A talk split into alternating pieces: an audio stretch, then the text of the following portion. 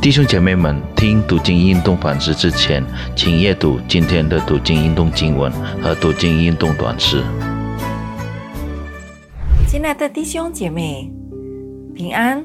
我们今天二零二三年三月二十一号，可以在一起思想神的话语，很感谢神啊！我们今天的主题是上帝国度的看法。我们要一起思想的，呃，经文是取自于马太福音第十四章。好，我们还没开始之前，来，我们一起祷告。天父上帝，我们很感谢你，因为你带领我们在这二零二三年都已经进入了三月份，在这个呃期间里。那你的恩典，你的带领，都充充足足在我们的生活里，我们呃一无缺少。天父上帝，接下来我们要为我们今天呃反思神的话语的时间来交托在神的面前，求神带领我们，求你圣灵打开我们的心思意念，使我们能够明白你的话语。我们如此祷告，是奉号主耶稣基督的名，阿门。亲爱的弟兄姐妹，我们要一起读的经文是取自于马太福音第十四章。啊，今天我只啊，我们一起要读的经文是第十三节到第十一呃十一节，然后。二十四节到第三十二节，神的话如此说：起先，希利为他兄弟费利的妻子希罗底的缘故，把约翰拿住锁在监里，因为约翰会对他说：“你起自妇人是不合理的。”希利就想要杀他，只是怕百姓。因为他们与约翰为先知，到了希利的生日，希罗底的女儿在众人面前跳舞，使希利欢喜，希利就起誓，因此随他所求的给他。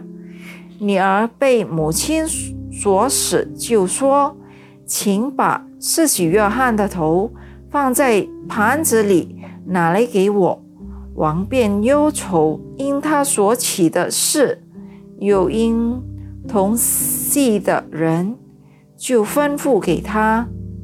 于是打发人去，在监里斩了约翰，把头放在盘子里，拿来给了女子。女子拿去给他母亲。二十四节，那时船在海中，大风不顺。被浪摇撼，夜里四更天，四更天，耶稣在海面上走，往门徒那里去。门徒看见他在海面上走，就惊慌了，说是个鬼怪，便害怕，喊叫起来。耶稣连忙对他们说：“你们放心，是我，不要怕。”彼得说：“主。”如果是你，请叫我从水面上走到你那里去。耶稣说：“你来吧。”彼得就从船上下去，在水面上走，要到耶稣那里去。只因见风声大，就害怕，将要沉下去，便喊着说：“主啊，救我！”耶稣赶紧。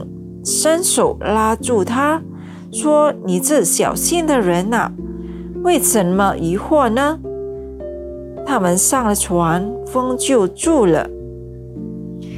亲爱的弟兄姐妹，上帝国度的看法与世界的看法决然不同。在今天的圣经阅读中，我们可以看到三个差异非常明显的例子。第一，从上帝、从世人的角度来看，施洗约翰的命运是悲惨的，因为他是被砍下头颅而死的。世人认为是许约翰是个倒霉的的人，然而从上帝角的角度来看，是许约翰得了荣耀，因为他被允许为上帝的国度受苦。主耶稣说：“我实在告诉你们，凡妇人所生的，没有一个兴起来大过是许约翰的。”记载在约翰。呃，马太福音第十一章第十一节。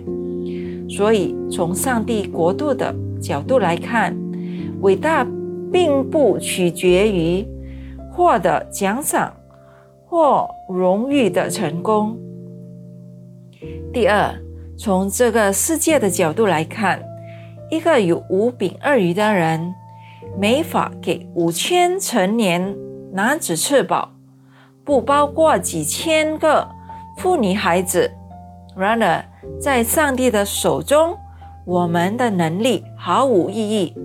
当上帝要使用我们时，他能够加倍我们的能力。主耶稣祝福这五饼二鱼，五饼二鱼能满足五千成年男子，加上几千妇人孩子，还剩下十。二男子零碎的食物。第三，从世界的角度来看，自然规律不可违抗。宇宙中发生的所有过程都发生在一个封闭的系统中，可是无法进行任何呃任何干预。因此，这世界的角度来看。奇异是不可能的事情，人类不能违抗自然规律，人类必须始终适应自然条件。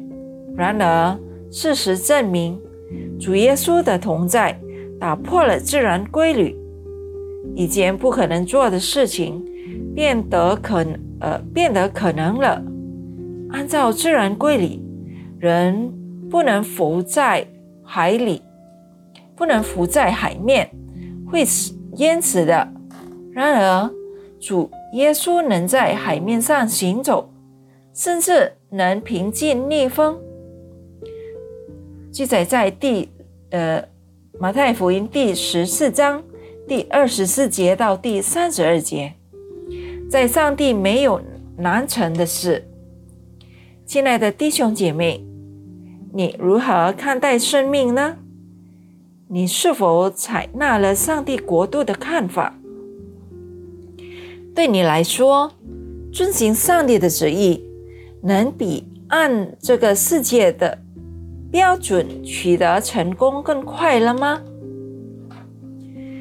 好，亲爱的弟兄姐妹，来，我们一起做个结束祷告。天父上帝。我们今天能够学习到，在你面前没有一个难的事情，在你面前也不能靠着这世界的角度的成功来看呃生命的意义。主耶稣，求你帮助我们，让我们在你面前。在你里面能够找到，呃，你呃国度的看法，你你的旨意，我们能够活在你的呃旨意里，我们能够活在遵行你话语的道路上。我们如此祷告，是奉靠主耶稣基督的名，阿门。亲爱的弟兄姐妹。愿上帝赐福您，我们以后再会。